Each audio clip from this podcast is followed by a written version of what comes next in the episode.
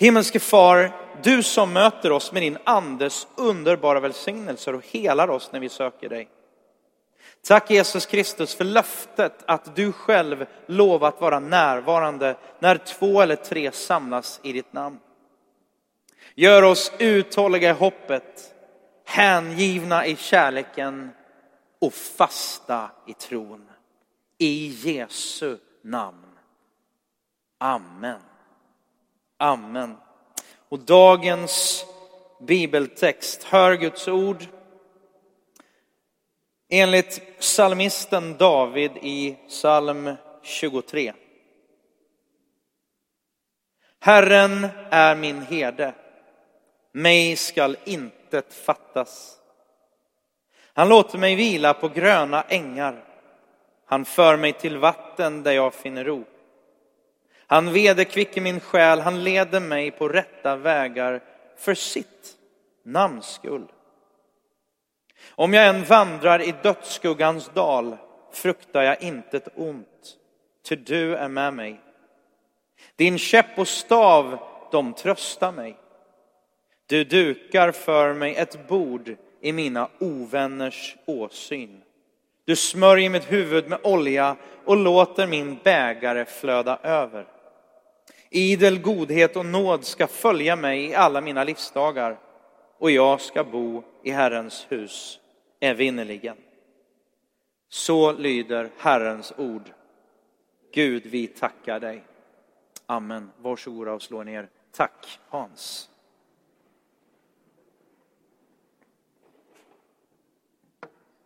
Perfekt.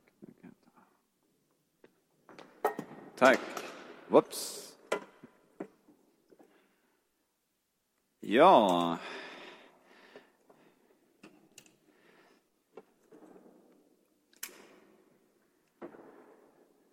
Hur många här, wow, ja det regleras efterhand. Eh, hur många här har någon gång sett en gobeläng eller en tavla eller en plansch med motiv från Saltaren 23?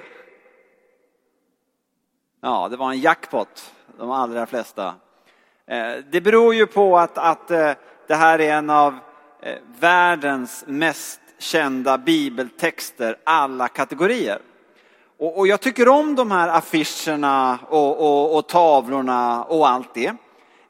Men samtidigt, de här tavlorna, affischerna och bilderna brukar ju ofta vara, kan ni se det framför er? En sån här klorofyllgrönskande äng. Och så eh, ett vitt lamm som säger bä. Eh, och, och, och, så är det som man kan höra stråkarna spela whoops, i bakgrunden. Och, och allting verkar väldigt idylliskt. Och det är för sig uppmuntrande och man, man, man tänker att det här är ju verkligen fromt med att Herren är min herde. Men, men någonstans tror jag att vi, vi, vi kan ibland ha lite svårt att sätta in oss själva i den där tavlan. För att vårt liv ofta är kampfyllt och det sliter lite hit och dit. Eh, och det är sällan vi kommer till det här totala harmoniska läget som man kan tycka det verkar vara på den där affischen. Och då är det väldigt viktigt att gå till den här saltarsalmen och se hur den börjar. Jag tror Bibeln är Guds ord. Jag tror Bibeln har blivit precis som Gud ville. Och, och, och därför är det ingen detalj som är där i Bibeln av en slump. Och, och har du tänkt på hur Saltaren 23 börjar? Vi kanske kan få upp den igen här på skärmen, vad vet jag? Eh, Saltaren 23. Har ni sett hur den börjar? Den här lilla starten. En psalm av David. Det är en väldigt viktig start. Det är den meningen som sätter tonarten för resten av Saltaren 23. Kung David. Det finns ett par olika ord man kan använda om kung David, många, men jag ska välja ett par. För det första, David, han var utvald av Herren. Det gick ju till på ett helt osannolikt sätt då han blev eh, utvald av Herren och fick reda på att han var det. Det fanns ju nämligen en kung i landet som hette Saul och som vände sig allt längre bort ifrån Gud. Och det betydde att hela landet levde i otrygghet. Så blir det ju när ledarna vänder ryggen till Gud. Saul blev allt mer lynnig och nyckfull och aggressiv.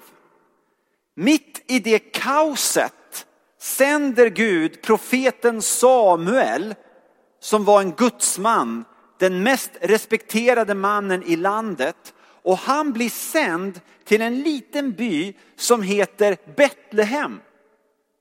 Och du kan tänka dig eh, i Betlehem en vanlig dag när man lever där under trycket från kung Saul. Plötsligt dyker den mest kände gudsmannen i hela landet upp. Alla bara tittar när Samuel kommer in ridande i byn. Och Samuel har bråttom. Han rider direkt fram till, till en bondes hus och, och ber den här bonden Isai att, att hämta fram sina söner. Fort ska det gå. Och, och Isai han, han plockar fram sina sju äldsta söner och Samuel nästan lite stressat lyssnar in mot Gud. Är någon av de här den blivande kungen? Men det var ingen av de sju. Så Samuel tittar upp på bonden mitt i byn och ni vet, nu har folk slutat låtsas göra någonting. Och så ställer han frågan, har du inte någon mer son? Och då tänker Isaiah efter, jo men när han tänker efter kommer han på att han har ju en till. David som är ute på fälten. Och tänk dig nu när David kom in, kom in till byn, ilskickad med bud för att det hände något viktigt inne i byn. Han hade inte skrivit in i sin filofax att han skulle bli smord till kung den dagen. Det kom som en total överraskning. Och så kommer David in i byn och ser sina sju äldre storebrorsor som blänger avundsjukt på honom. Och Samuel får omedelbart en signal från sin far i himlen. Det här är den blivande kungen. Och så häller han olja. Och jag kommer att smörja med olja den som vill och då blir det lite olja. Men på den tiden gjorde man det rejält. Så det var inte lite olja, det bara hälldes olja över David. Han dröp av olja. Och så säger Samuel ungefär halleluja, amen, du är nu kung över Israel. Och sen stannar inte han och fika som vi ska göra efter gudstjänsten, sen red han direkt iväg. Och där står David och oljan rinner, brorsorna tittar, föräldrarna ser ut ungefär, ni vet som i Edvard Munchs tavla Skriet. Så Gud, han är ju som han är, som en vän till mig brukar säga. Jag tror David hade blivit galen där och då om inte det var sant som står i 1 Sam 16.13. Den helige ande kom över David från då och framöver. Så det David mer och mer fick förstå det var att Gud hade utvalt honom. Gud hade en plan för hans liv och Gud hade utvalt honom av nåd. Och sen, som livet är med Gud, sen kom Davids liv att mest handla om seger. Mest halleluja, mest att Gud gjorde fantastiska saker genom David. Absolut. Men som det är när Guds rike ska bryta fram så fick ju David vara med om en smula vadå? K-A-M-P, kamp. David skulle inte sakna nästan en enda dag i sitt liv från då och framöver då det inte också var kamp. En kamp som kom från utsidan. Men också en kamp som kom från insidan. Och David skulle falla och synda och ta emot Guds förlåtelse gång på gång på gång. En yttre och inre kamp. Och nu det är han som skriver Saltaren 23. En psalm av David. En person som hade enorm intensitet i sitt liv en 2000-talsmänniska före sin tid. Med allt det här trycket och all den här kampen, det är han som får det här budskapet. Om han kunde lära sig att följa sin herde och ligga ner och ta emot det Gud har att ge, då kan vi det också. En psalm av David. Och så fortsätter den här texten. Eh, David skriver, titta, Herren är min herde. Min. Det finns i hebreiskan också. Märkligt nog var det inte på svenska från början. Men det finns en liten hebreisk ändelse just min. Och, och jag tror att det finns en poäng från den heliga ande. Det här mina vänner handlar om förtrolighet, intimitet, kärlek, den personliga relationen med Herren. Så idag inbjuds du och jag att säga till Gud, min far, min pappa i himlen, min Jesus, min heligande. Inte för att du äger honom, det tror jag inte du tror heller. Men just för att betona det här, hur Gud, hur han längtar efter, det bultar i honom ständigt, att få fördjupa den personliga relationen med dig. Min herde. Och så fortsätter texten, mig ska inget fattas. Det David fick lära sig genom kamp, genom tårar, genom nöd, genom attacker, genom allt det som han fick utstå, så fick han ändå lära sig mer och mer och mer att Gud har koll. Och Gud vet bättre än jag vad jag behöver och Herren överger oss aldrig. Och så fortsätter David nu att skriva, han låter mig vila på gröna ängar. Han för mig till vatten där jag finner ro. Han vederkvicker min själ. Visst låter det vackert? Det är nästan som man kan höra stråkarna spela i bakgrunden. Och, och, och så tillbaka till planscherna och affischerna. Man kan ju tro någonstans att det är det mest naturliga i världen för ett får att lägga sig ner på den här gröna ängen. Bä! Och, och, och får älskar vatten. Åh, de älskar att höra vatten och få komma nära vattnet. Och det mest naturliga som finns för en fårjord, så fort de kommer till en, till en grön äng och har lite vatten, ja då omedelbart kommer de in i den totala harmonin. Jag har pratat lite grann med folk som, som faktiskt kan en del om får. För det finns ju får idag också, hör och häpna. Och, och de ger en helt annan bild. De säger att, att får, fårjordar, Eh, de har väldigt svårt att komma till ro. Och en sak som ofta stör i en fårjord, jag pratade nyligen med en fårexpert, det är om det finns en eller ett par får i jorden som är lite buffliga. Så det liksom blir dissonans i hela jorden. Ni förstår, får kan bli osams. Inte som vi kristna som alltid håller ihop. Eller hur det nu var. Eh, och, och det här med vatten. Egentligen tycker får att vatten är det läskigaste som finns. Så, så hör de ljudet av vatten som rinner för snabbt, då blir de helt hispiga. Så det som herden måste göra är att han måste dika av vattnet så att det blir alldeles lugnt. Han måste jobba stenhårt med att fåren kommer till en, till en gemensam harmoni. Precis förse dem med allt det han har att ge. Då kan miraklet ske. Att de kan komma in i den här ljuvliga vilan. Känns det igen? Bland alla skärmar, bland allt det tempo vi har, allt det som rycker både på insidan och på utsidan. Alla krav, alla ambitioner, alla saker som vi håller på med. Våra synder som gör att liksom blicken blir alldeles nersolkad. Eh, allt detta som rör sig i våra liv gör att ofta kan det vara en utmaning för oss att komma in i vilan. Men här talar Gud. Här talar Gud. Och på hebreiska så står där angående de här gröna ängarna, ska man verkligen översätta hebreiskan ordagrant så står det så här, eh, lyssna, han lägger ner mig på de gröna ängarna. Alltså, vi kan inte ens lägga oss ner själva.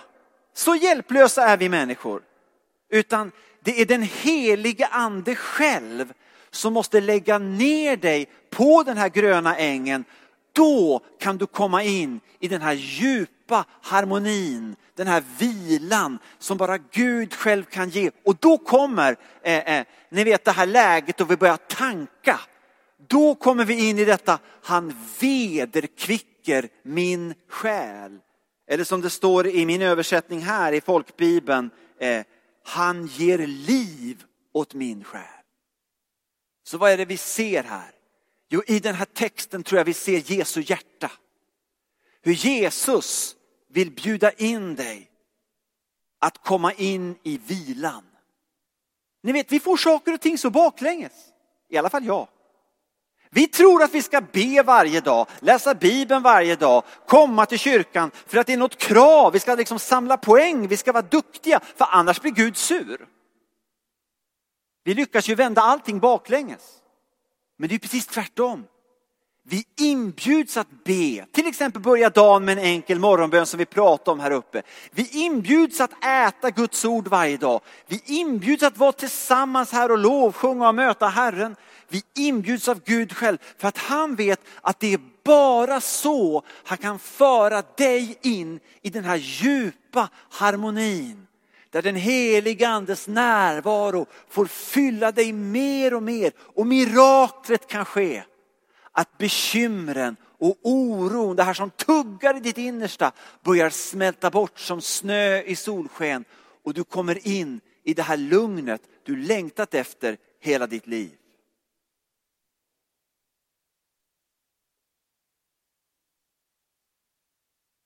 Han leder mig på rätta vägar för sitt namns skull. Om jag än vandrar i dödsskuggans dal fruktar jag intet ont, ty du är med mig.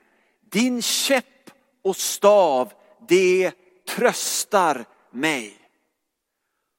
Och nu börjar David tala om just detta med hur Gud själv, Fadern, Sonen och den helige Ande, han vill leda oss på sina vägar.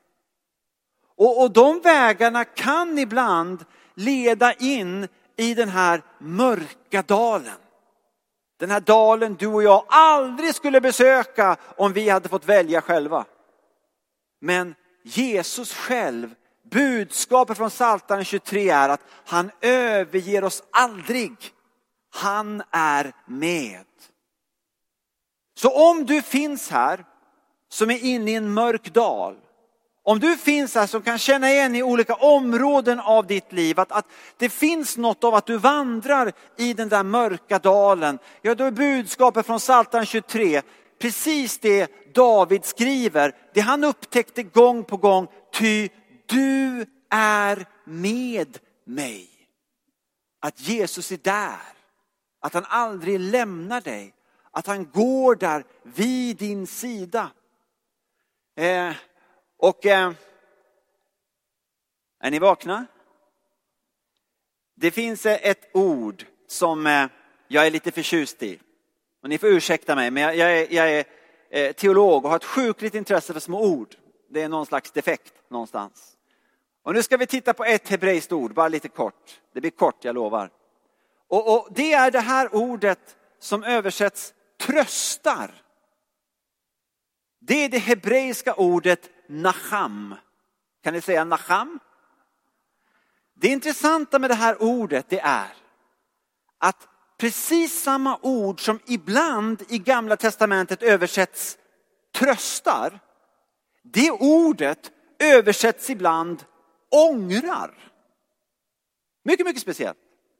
Till exempel eh, när Gud talar till Noa Precis innan han ska sända syndafloden och mänskligheten är på väg åt fel håll, då säger Gud till, till Noa, eh, jag nachammar.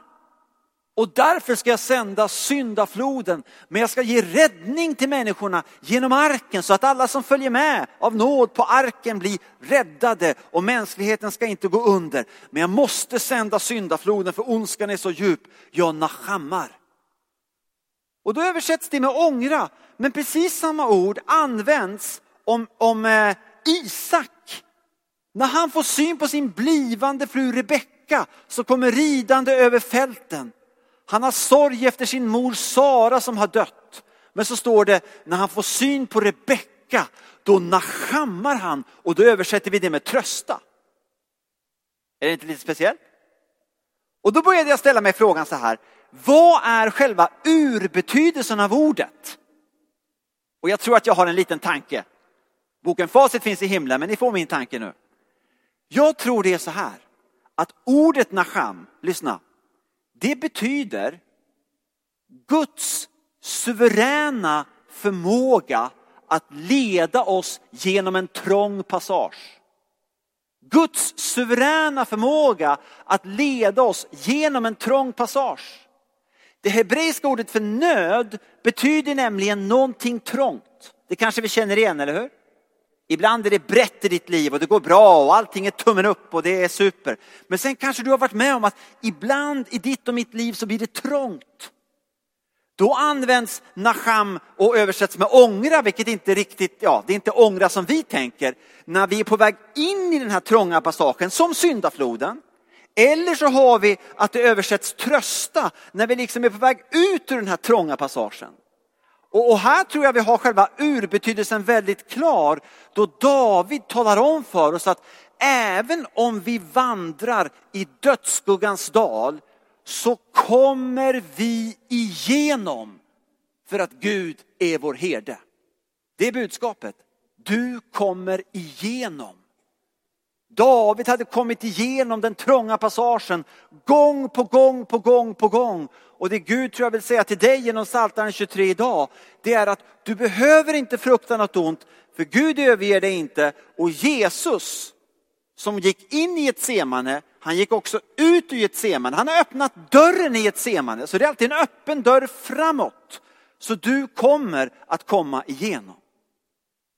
Amen. Vi är strax klara, men vi tar lite till här. Eh. Du dukar för mig ett bord i mina ovänners åsyn. Du smörjer mitt huvud med olja och låter min bägare flöda över. Och man kan ju ta hur mycket som helst i Psaltaren 23, jag hoppar över så mycket så det nästan gör ont i mig. Men, men, men vi tar det här snabbt. Och en sak som herdar berättar om det är att får kan få problem med insekter. Insekter kan till och med äta sig in i hjärnan. Otrevligt. Inte nice. Eller hur? Det herdar gör då det är att de Tack Daniel. Då smörjer de fårens huvud med olja. Det är ett skydd så att inte insekterna kan äta sig in. Och olja i Bibeln är ett tecken på den helige ande. Och det står i Jakobsbrevet 5 från vers 14 att vi kan bli smorda med olja om vi är sjuka eller svaga. Jag har en förebedjare, en underbar person som ber för mig en gång i veckan. Det har den här personen gjort sedan 1999. Vi pratar inte om vädret, hade vi kunnat göra men det gör vi inte. Vi träffas en gång i veckan. Jag kommer ofta inkraschande, jag sätter mig liksom i min kontorstol så här och så smörjer den här personen mig med olja, lägger handen på mig och ber. Och ofta är det just det som räddar veckan. Herren kommer och ger fri till mitt sinne. Och vi ska få en möjlighet under nattvarden att bli smorda med olja. Och bilden är inte minst hämtad härifrån. Och så kommer det här, låter min bägare flöda över. Det finns en fontän på Vasaplatsen i Göteborg. Nu pratar vi om Göteborg. Så finns det en fontän och, och, det här är en trafikplats. Det är nästan ingen som ser den här fontänen, men jag går och sätter mig där ibland för den är så fantastisk. Kan du, kan du tänka dig en sån här bägare framför dig? Och så har de ju kopplat vattnet inifrån.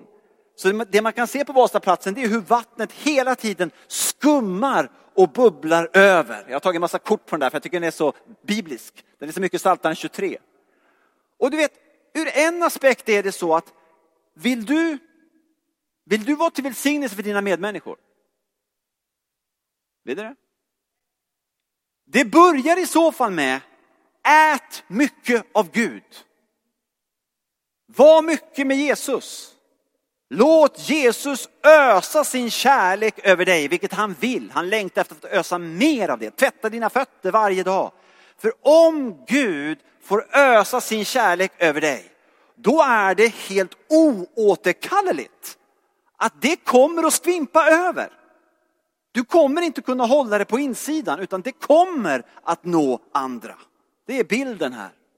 Och så tar vi sista meningen. Här. Det här tycker jag också är stilpoäng. Eh, idel godhet och nåd.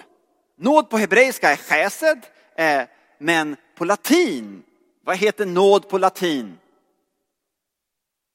Gratias eller gratia. Och det har vi ett svenskt ord. Gratis, vi brukar säga gratis är gott. Nåd mina vänner, det handlar om just det som vi inte förtjänar. Jag har en ny människa, halleluja, född av den heliga ande, av nåd, som växer mer och mer och det, det är bara Guds förtjänst. Så Gud kan göra saker genom mig och halleluja. Men jag har också en gammal människa, en negativ sida av mitt jag. Mitt favoritcitat kommer från biskop Boyert, jag har säkert sagt det till den här församlingen innan. Det heter att den gamle Adam drunknade i dopet, sa biskop Boyert. Men det aset, han kan simma. Och jag vet inte hur det är med din gamla människa, men mina simborgarmärke. Varenda dag, och jag menar, jag säger inte det här för att låta from eller fin eller söt eller, eller så, va? utan för att det är sant. Varenda dag blir jag så frustrerad över min synd. Över min gamla människa. Känns det igen? Då är det så viktigt att förstå här att David han skriver så här. Han skriver inte idel, idel godhet och förtjänst ska följa mig alla mina livsdagar. Om jag förtjänar det. Utan han skriver idel godhet och nåd. Och jag ska avsluta, det sista jag säger innan jag säger amen, det är en absolut stilpoäng på hebreiska. För David, vi har redan pratat om att, att han hade ett, ett hyfsat kampfyllt liv, eller hur? Och låtsasteamet får gärna komma upp. Eh, David blev ofta förföljd. Känner du till det? Titta här nu vad han leds av den heliga ande att skriva. När han skriver så här, idel godhet och nåd ska följa mig i alla mina livsdagar, så står det inte. Vet ni vad det står på hebreiska? Vet ni vad David skriver? Jag tycker det här är så tjusigt. Han skriver så här, idel godhet och nåd ska förfölja mig i alla mina livsdagar. Så, så, han menar liksom att Guds godhet och nåd förföljer honom. Alltså är, är på honom mer ihärdigt än någon förföljare. Gud lämnar honom aldrig.